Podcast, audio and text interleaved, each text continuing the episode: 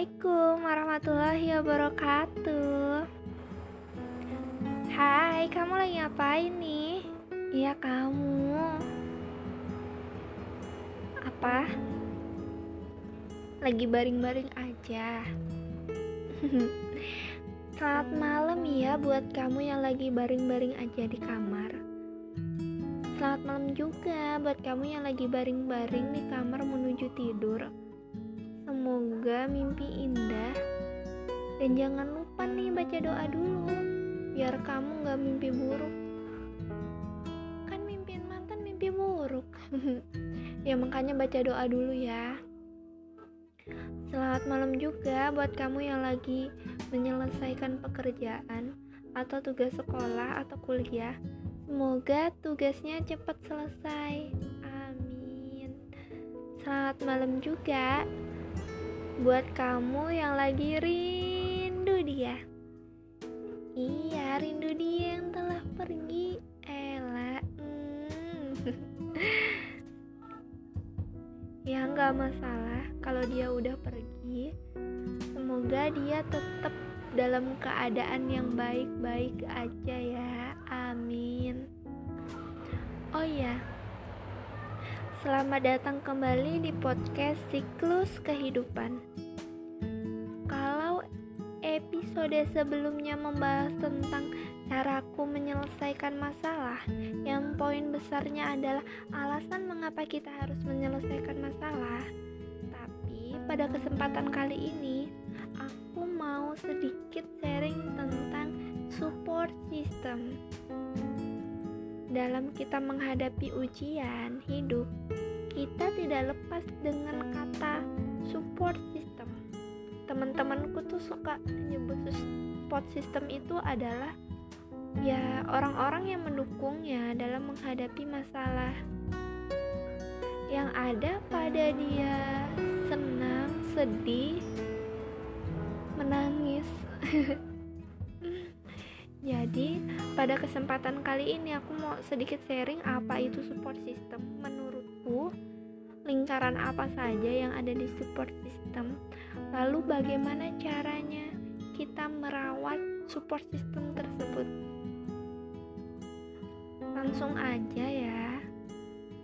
Semoga podcast ini bisa bermanfaat. Selamat mendengarkan. Dewasa ini, manusia hidup di dunia pasti memiliki tujuannya masing-masing. Aku, kamu, dia, dan mereka pasti memiliki tujuan masing-masing. Alasan mengapa dia hidup dan dia mau ngapain dalam mengisi kehidupannya. Tujuan hidup manusia satu dengan yang lainnya pasti memiliki perbedaan. Kalaupun ada kesamaan pada tujuan hidup, pasti cara menjalankannya berbeda atau sesuai dengan cara pribadi masing-masing individunya. Tujuan hidup yang paling populer, hayo menurutmu apa nih waktu kita kecil tujuan hidup kita apa?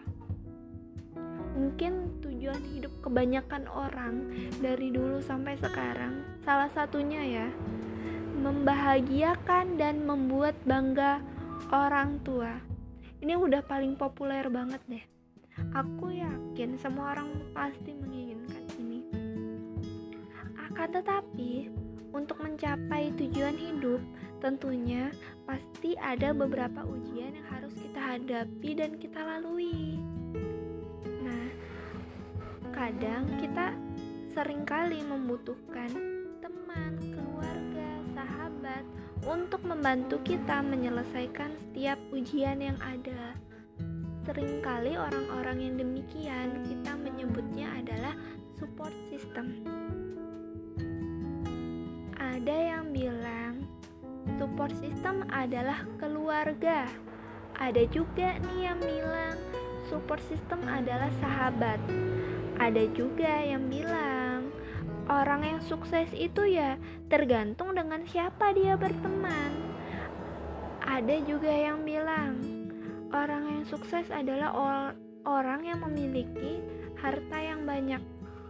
Hmm, sebenarnya ya kita gak bisa terpatok pada salah satu indikator saja jadi nggak hanya bisa terpatok pada keluarga sahabat kayak gitu jadi support system adalah secara keseluruhan bukan one item aja. Lalu apa itu support system? Menurutku ya support system adalah segala sesuatu. Ya segala sesuatu. Bukan segala seseorang. Bukan seseorang maksudnya. Jadi, segala sesuatu yang mempengaruhi atau mendukung kita untuk menghadapi ujian kita selama ini. Dan atau sesuatu yang dapat mendukung kita untuk memperoleh solusi dalam menghadapi masalah. Lalu, eh, bentuk atau unsur dari support system itu apa aja sih? Kalau menurutku ya, support system itu memiliki dua lingkaran, lingkaran internal dan lingkaran eksternal. Lingkaran internal adalah segala sesuatu yang berasal dari kita sendiri. Contoh, pengetahuan, motivasi hidup, spiritual. Lalu yang di lingkaran eksternal itu ada sahabat, keluarga, finansial, lingkungan. Itu. Setiap unsurnya, setiap unsur dari internal dan eksternal tentunya memiliki hubungan dan keterkaitan antara satu dengan yang lain dan akan menjadi satu kesatuan yang berbentuk sistem. Maka ini yang sering kita sebut support system. Jadi dia berbentuk satu kesatuan yang terhubung. Tadi kan aku ada bahas masalah lingkaran internal dan lingkaran eksternal. Kalau aku kasih kasus ya, kalau kita mau sedikit coba diskusi tentang menurut kamu itu gimana sih cara seseorang itu bisa move on dalam kesedihan hidupnya gitu dia dapat masukan dari keluarganya? Ya mungkin aja. Atau karena dia sering mendapat masukan dari temennya? Ya bisa jadi. Atau jangan-jangan dia dapat menyelesaikan kesedihannya dengan sedikit bantuan uang? Ya bisa. Tapi kalau menurutku ya orang bisa move on dari kesedihannya adalah karena berangkat dari dirinya sendiri mau orang itu ngasih dorongan sekuat apa pun untuk menghapus kesedihannya kalau diri sendiri tidak mau bangkit itu ya percuma kalau menurutku sih gitu jadi ya semua itu tergantung pada dia sendiri. Berlahir dari kesadaran dia sendiri. Lalu nih, emang uh, faktor lingkaran luar nggak penting nih? Enggak, ya penting. Tapi dia hanya sebatas dapat mempengaruhi kita ya tetap tetap aja hal-hal yang kayak sahabat, keluarga, teman tentunya ya mempengaruhi sikap kita. Kalau tadi lingkaran internal adalah diri sendiri, nah sedangkan mau baiknya teman atau lingkungan, buruknya teman atau lingkungan kembali pada diri sendiri. Nah, menurutku yang paling penting adalah bagaimana caranya kita membangun support system terbaik bukan berarti ya eksternal lingkaran eksternal itu nggak penting. Ya tentunya harus tetap ada karena ya mau nggak mau ini tetap berpengaruh. Tadi nih faktor-faktor yang ada di luar, yang di luar dalam diri kita. Yang paling dekat deh, keluarga menurutku ya dari kita lahir sampai kita tumbuh besar keluarga akan berada pada di sisi kita entah di samping di belakang atau berjalan bersama-sama ya tentunya ada di sisi kita. Keluarga menjadi fondasi utama kita untuk mengarungi kehidupan dari pendidikannya, dari pola asuhnya, dari bagaimana keluarga menyupport kita, yaitu akan berdampak kepada bagaimana caranya kita menyelesaikan masalah. Akan tetapi, uh, letak problemnya adalah kebanyakan dari kita memposisikan keluarga sebagai alat bantu. Teman-teman tahu keruk? Keruk yang dipakai buat alat berjalan seseorang yang mengalami cedera atau tidak mampu berjalan dengan penuh kayak gitu kan. Jadi kita sering sekali menempatkan keluarga sebagai alat bantu jalan kita. Akhirnya, ketika kita tumbuh dewasa, kita kecanduan untuk meminta tolong kepada keluarga. Seakan-akan kalau kita sedih ya harus keluarga yang support kita. Gitu. Padahal yang enggak.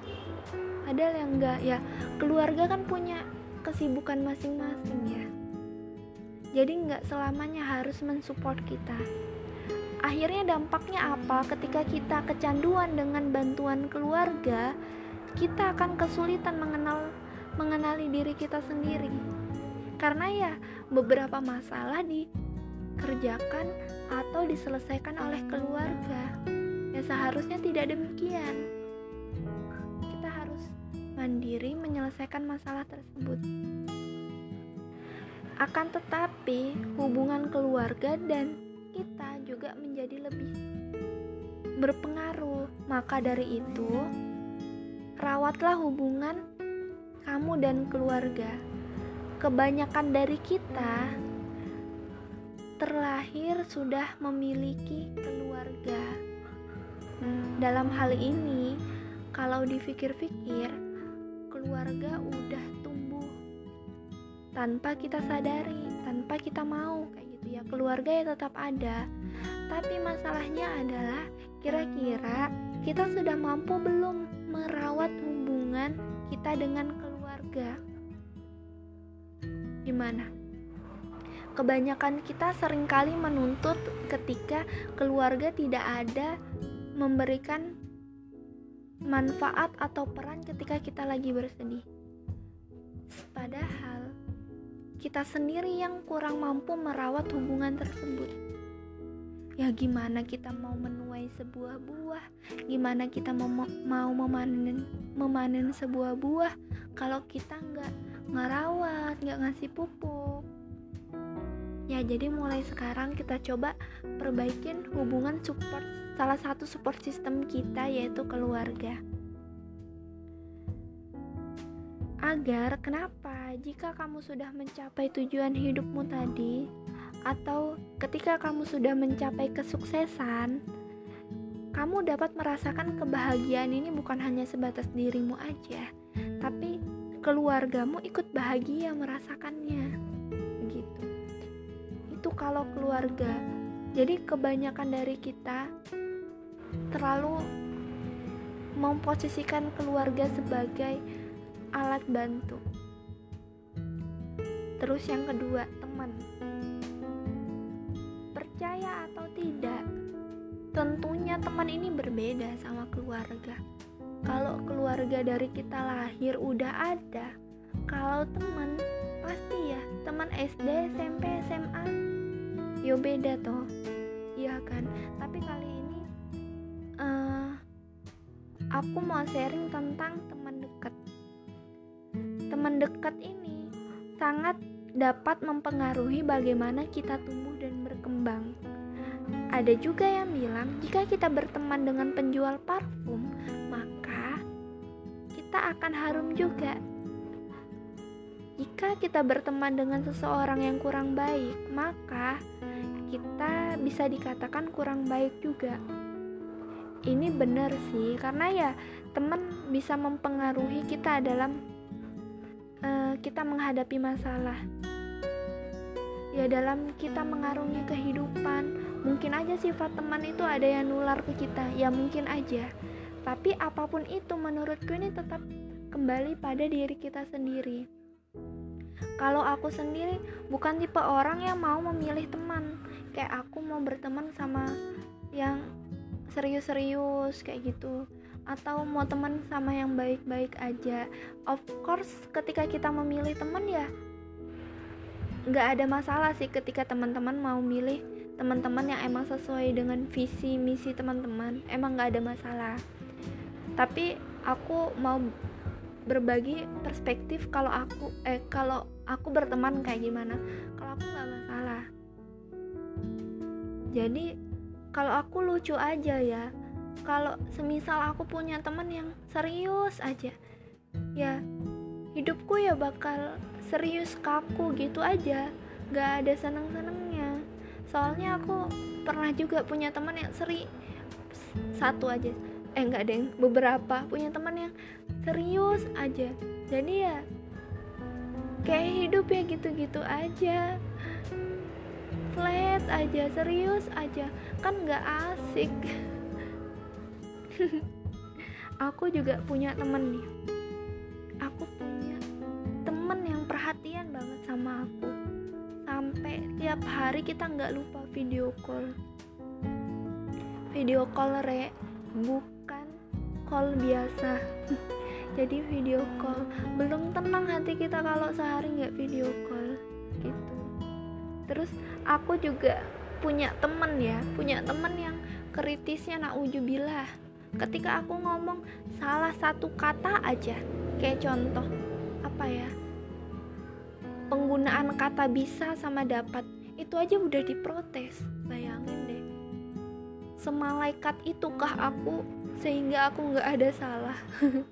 Ya aku manusia juga sih tapi ya nggak apa-apa kalau punya temen yang kayak gitu. Iya kan agar mungkin agar kata-kata dan sikap kita ya lebih sempurna lagi dan lebih baik lagi. Aku juga punya temen nih punya temen yang jago masak. Hmm, enak juga tahu kalau punya temen yang jago masak. Jadi kalau aku nggak tahu resep apaan kayak gitu aku suka nelpon dia tanya resep. Terus ada lagi nih. Bayangin aku punya teman yang puitis banget sekalinya aku ngechat serius kayak gitu. Dia balasinya dengan bahasa yang puitis banget. Tuh terus aku juga punya teman yang jago bisnis. Aku juga punya teman yang hampir setiap hidupnya tuh kayak nggak ada masalah bahagia terus. Nah terus terakhir nih. Aku punya teman yang kalau orang bilang sih ya orang nakal kalau orang bilang. Tapi kalau aku ya enggak enggak juga sih bukan orang nakal. Gimana ya? Aku punya teman yang hobinya jago berantem. Sampai pada akhirnya dulu aku pernah diajarin uh, gimana caranya berantem. Bukan berantem sih. Gimana caranya aku untuk membe membela diri ketika ada penjahat. Tapi dulu bukan sekarang bagiku teman itu adalah warna. Jadi teman itu adalah warna. Jadi aku harus punya warna-warna yang berbeda untuk mengisi kehidupan agar hidup itu lebih berwarna. Nggak yo abu-abu aja nggak yo putih-putih aja ya kan nggak keren ya? Langit aja warna-warni kalau ada pelanginya kan keren. Iya jadi teman tadi itu bisa menjadi support system kita. Tergantung bagaimana caranya kita bersikap. Sama kayak keluarga, kita harus menjalin hubungan yang baik dengan teman. Kalau aku suka bikin istilah gimana eh bukan aku bikin istilah aku pernah denger istilah menabung emosional jadi ya kita uh, menabung emosional kita ke teman kita saling saling sharing kayak gitu. Sehingga kita tahu aku dan kamu saling mengenali kayak gitu. Dan sampai sekarang ya cara itu yang aku terapkan menabung emosional. Biar hidup kita dengan teman kita itu yang nggak terlalu kaku-kaku amat gitu. Karena ya teman ini bisa menjadi pengganti ketika keluarga kita tidak ikut hadir atau tidak berperan ketika kita dalam menghadapi masalah. Pokoknya aku meno menomor dua kan. Teman ini kuletakkan setelah aku udah nggak mau udah tidak mendapatkan peran dari keluarga biasanya ya aku curhat ke temanku. Biasanya sih. Tapi ya nggak semua teman itu kalau temen ya. Ada lagi lingkaran yang di luar dalam diri kita. Ya yang sering kita nggak apa ya kita abaikan. Yaitu kelu keuangan keluarga lagi. Keuangan. Jadi keuangan atau finansial ini sebenarnya hal yang penting tapi terkadang kita kurang dapat memanfaatkan dan ini menjadi satu bagian support system terpenting dalam hidup kita. Ya tentunya kita nggak bisa lepas dari uang. Iya. Karena kenapa? Sekarang kan uang menjadi alat tukar kita untuk menjalani operasional kehidupan kita agar kehidupan kita tetap berjalan. Jadi alat tukar akan tetapi, perlu kita ketahui juga bagaimana cara memanajemen keuangan dalam hidup kita. Bagaimana cara kita menggunakan atau memanfaatkan uang yang kita miliki untuk untuk hal-hal yang emang ini menjadi prioritas kita dalam hidup. Kan skala prior, skala skala keuangan itu kan dibagi skala kebutuhan itu kan dibagi menjadi dua skala prioritas dan skala sekunder. Nah, terkadang kita itu sulit memanfaatkan finans kita sudah ada finansial, tapi kita sulit membaginya ini menjadi prioritas atau tidak. Kayak gitu. Contoh ya, kalau aku itu meletakkan pendidikan, kesehatan itu menjadi skala prioritas baju dan lain-lain. Baju dan lain-lain itu tuh menjadi skala sekunder. Bagiku yang paling penting ya kalau orang-orang yang mikirnya yang paling penting ya makan ya benar selain makan maksudnya ya. Selain makan ya pendidikan kesehatan itu ya paling penting menurutku. Jadi ya kita harus mau nggak mau menyisikan uang kita ya buat pendidikan dan kesehatan itu poin itu poin besar aja sih. Mungkin kalau teman-teman yang lain bisa membagi skala prioritasnya masing-masing ya tergantung teman-teman sih. Itu kalau versi aku ya. Bahkan lucunya itu lucu. Bahkan itu aku punya laporan keuangan per bulan. Ya aku buat ngelatih diriku agar bisa memanajemen keuanganku selama satu bulan itu aku gunakan buat apa? Pemasukannya dari mana aja? Kemudian pengeluarannya dari mana aja? Kira-kira kurvanya itu udah stabil atau belum antara pemasukan dan pengeluaran? Karena terkadang kebanyakan dari kita pemasukannya rendah kemudian pengeluarannya tinggi.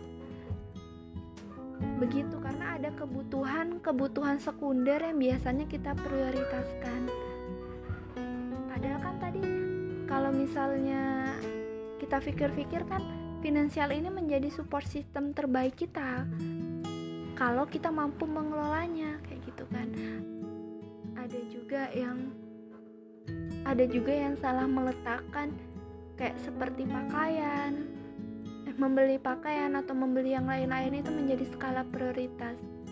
Biasanya sih ini juga waktu tuh pernah terjadi ke aku. Waktu aku jadi mahasiswa baru aku kurang bisa meletakkan skala prioritas. Jadi mungkin ya karena aku dulu baru pertama kali jauh dari orang tua ya mungkin.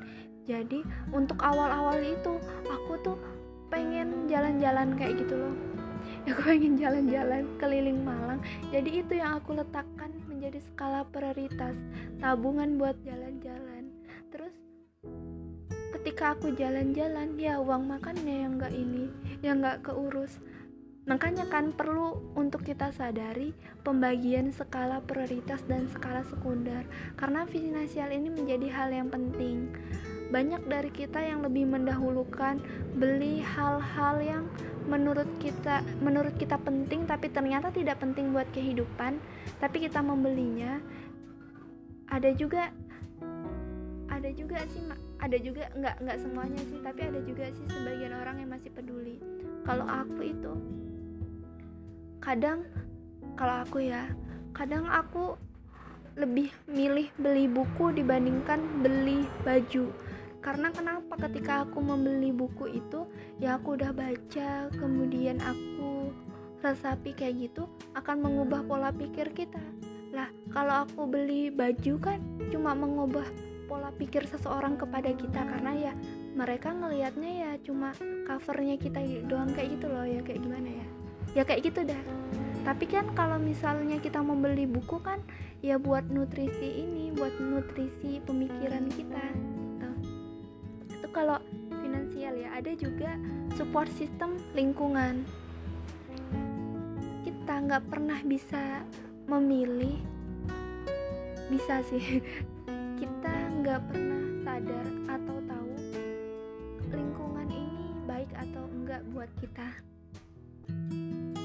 Iya. Jadi alhamdulillah ketika kita ada di lingkungan yang baik alhamdulillah. Tapi pada kenyataannya aku melihat beberapa temanku uh, tidak seberuntung yang kayak yang kita rasakan.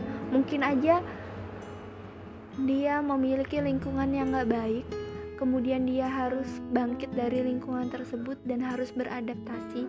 Bagiku orang yang apa ya bagiku orang yang cerdas itu adalah orang yang mampu beradaptasi pada lingkungannya apa pun. Ya mau nggak mau kembali kepada ini kepada dirinya sendiri. Dia mampu kok kayak membuat lingkungan ini baik. Tergantung dia mau atau tidak berdiskusi atau memanfaatkan lingkungan ini ya kalau dia tetap mau membiarkan lingkungan ini menjadi buruk ya bakal buruk dan bahkan akan berkembang. Tapi ya ketika dia mampu mengubah lingkungan ini menjadi baik, ya baik. Tapi dalam hal ini kita juga tidak bisa memaksakan sih untuk mengubah sebuah lingkungan kita yang kita tinggal atau apa ya? Ya ya kita tinggal. Itu. Lalu yang sekarang kita pikirkan adalah itu kalau beberapa lingkaran eksternal yang ada di luar kita mungkin masih banyak lagi. Nah, yang kita pikirkan sekarang bagaimana faktor internal kita atau lingkaran internal atau yang berasal dalam diri kita menjadi lebih baik. Kalau itu menurutku kembali lagi bagaimana caranya kita mengenal diri kita sendiri. Jadi kita itu cenderung males jujur buat apa ya? Buat kebaikan diri kita sendiri. Contoh nih ya,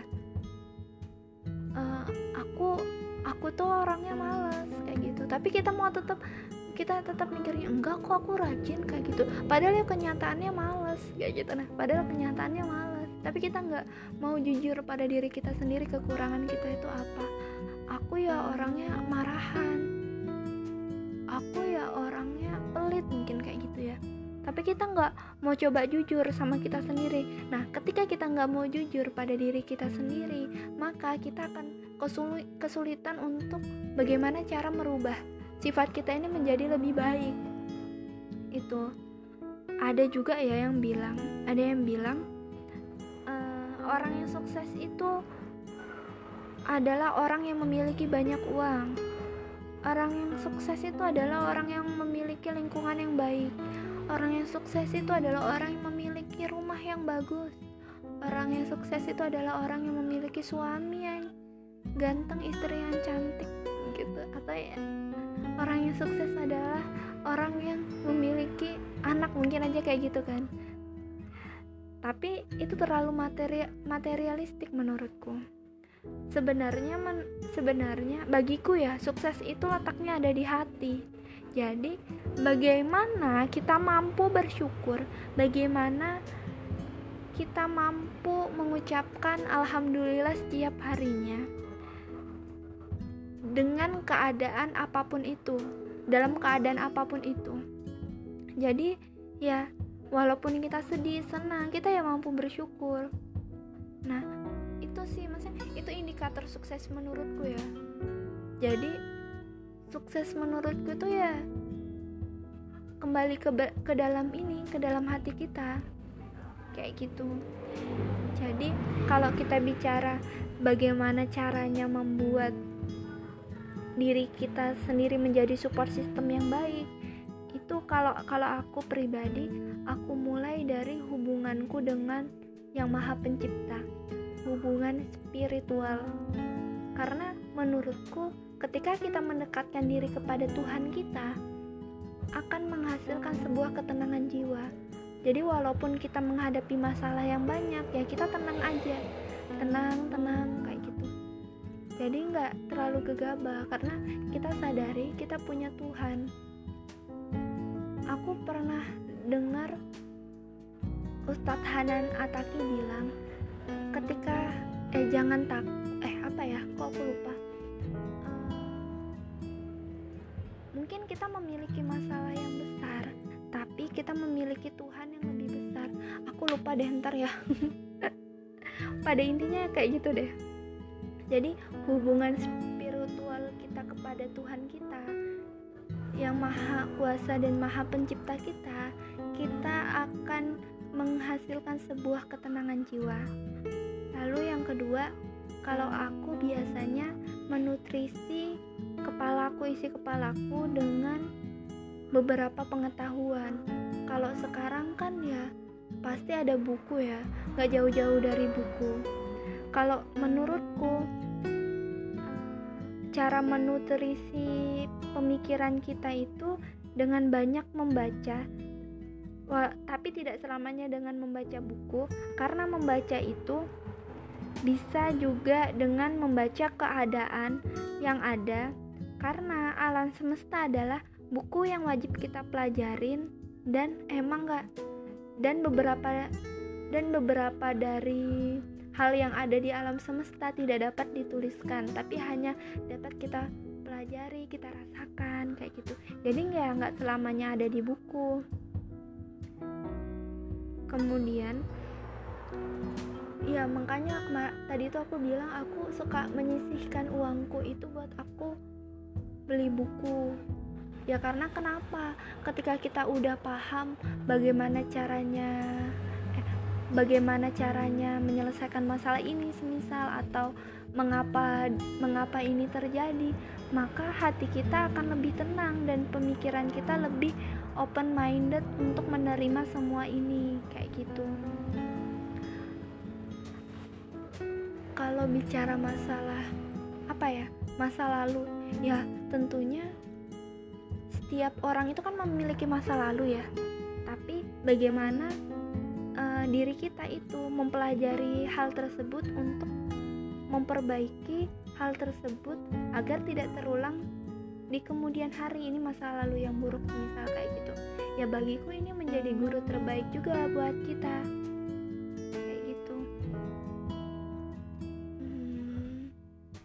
Jadi itu sih kalau misalnya ditanya bagaimana caranya kita meningkatkan super system yang baik ya dalam diri kita. Mendek pertama mendekatkan hubungan spiritual kedua menutrisi pemikiran kita. Terus yang ketiga bagaimana caranya kita memanajemen konflik yang ada?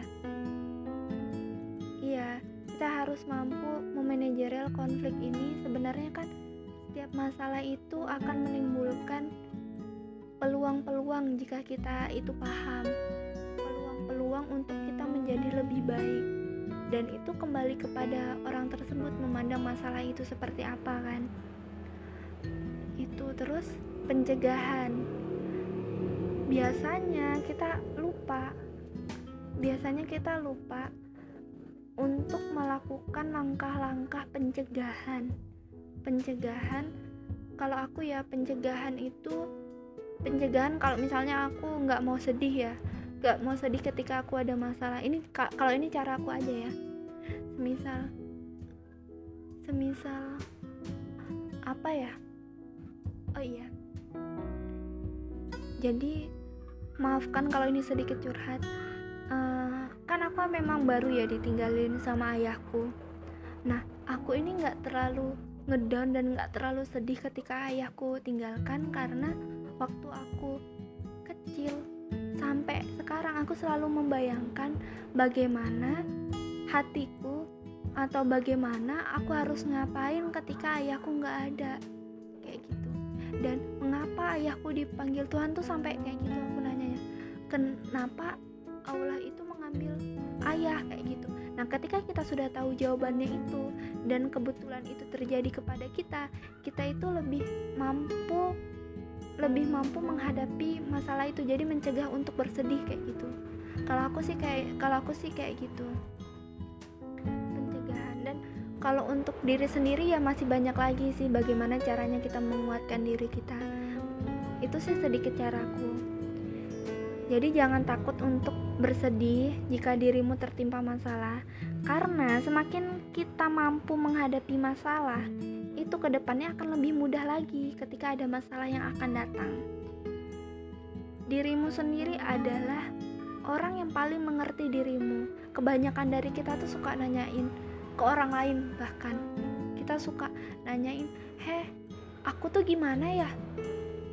aku tuh orangnya gimana ya bahkan kita kayak nanyain diri kita sendiri tuh ke orang lain padahal yang paling mengerti diri kita sendiri itu ya kita kayak gitu jadi mulailah mulailah bercakap melakukan percakapan pada diri kita sendiri aku nih seperti apa? kayak gitu kan. Kamu harus tumbuh kamu harus mampu tumbuh dewasa agar menjadi support system yang terbaik buat dirimu sendiri karena kamu adalah teladan terbaik buat dirimu dan orang lain. Karena kamu teladan terbaik buat dirimu dan orang lain jadi jangan nunggu sahabat keluarga dan yang lain kayak gitu untuk mampu membangkitkan kamu ketika kamu ada masalah mulai dari sekarang ciptakan hal-hal yang baik untuk dirimu kalau itu belum tercipta, kalau sudah, ayo kita tabung kebaikan buat diri kita agar ketika nanti kita butuh, kita udah bisa mengambil buahnya. Ya, terkadang kita memang tetap butuh ya support system yang ada di luar dari dirimu ya, ya tetap kita butuh. Akan tetapi kalau misalnya dipikir-pikir lagi, bagaimana jika tadi sahabat keluarga keuangan itu tidak ada di saat kita butuh atau perlu? Gimana? Kan itu kembali kepada diri kita sendiri kan? Ya makanya mau nggak mau suka atau enggak ya kita harus tetap menjadikan support system terbaik itu adalah diri kita sendiri. Nah kalau yang di luar-luar ini tetap kita rawat kita pupuk agar ketika kita perlu bisa kita pergunakan dengan baik. Kalau kita perlu tapi juga jangan juga kita menyangga bukan menyangga bersandar kepada mereka. Uh, sejauh ini menurutmu selama ini support system terbaik itu ada pada siapa? Kalau menurutmu nih sahabat teman keluarga keuangan hayo siapa? Ya jawab sendiri ya. Karena ya tentunya support system masing-masing orang itu tentunya berbeda-beda. Ada yang lengkap ada yang full ada yang enggak kembali lagi kepada kita. Kita harus mampu memanfaatkan support system yang ada. Uh, terakhir dulu kenapa aku pengen banget bahas masalah support system ini? Karena aku sadari banget peran keluarga, teman, sahabat, dan yang lain-lain ini menjadi hal yang lebih apa ya bernilai lebih di kehidupanku dan teman-temanku waktu memang aku berada di titik bawah mereka sangat antusias untuk menyemangati diriku untuk bangkit. Sebelumnya makasih buat teman-temanku. Hmm. Semoga ke depannya hubungan kita akan semakin baik-baik aja dan jalan untuk mencapai tujuan hidup kita agar lebih dipermudah lagi oleh Tuhan yang Maha Kuasa. Amin. Oh ya, aku sadari banget ketika seseorang itu ada masalah, itu akan down banget. Jadi, untuk kamu yang merasa saat ini ada masalah, dan tidak ada teman-teman di sekelilingmu. Jangan sedih, tetap jaga hatimu baik-baik saja. Bentengi pikiranmu, jangan sampai ini udah kamu ada masalah kemudian kamu berpikiran negatif. Contoh ya yang paling sering itu mengapa ini terjadi kepadaku? Mengapa Tuhan ini tidak adil buat aku gitu ya? Jangan sampai. Jadi Jangan sampai kamu memikirkan satu hal negatif menghasilkan energi negatif gitu. Jadi, coba mulai sekarang berpikir positif. Jangan sampai energimu tuh terbuang sia-sia dengan memikirkan hal yang negatif.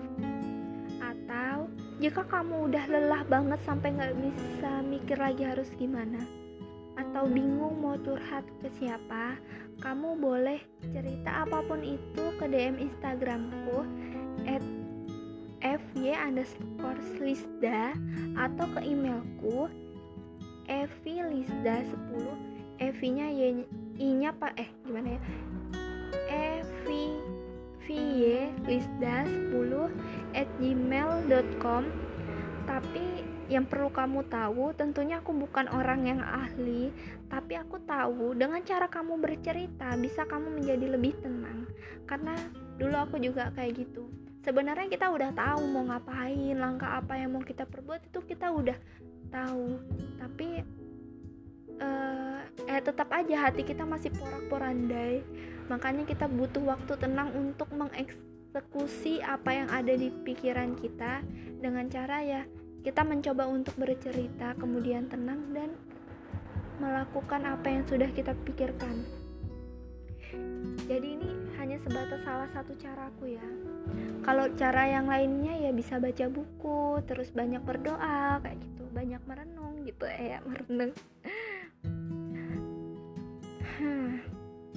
Jadi itu aja. Semoga podcast ini bermanfaat. Mohon maaf kalau kelamaan ya. Semoga uh, kita semua selalu diberikan kekuatan kepada Tuhan Yang Maha Kuasa untuk menghadapi masalah.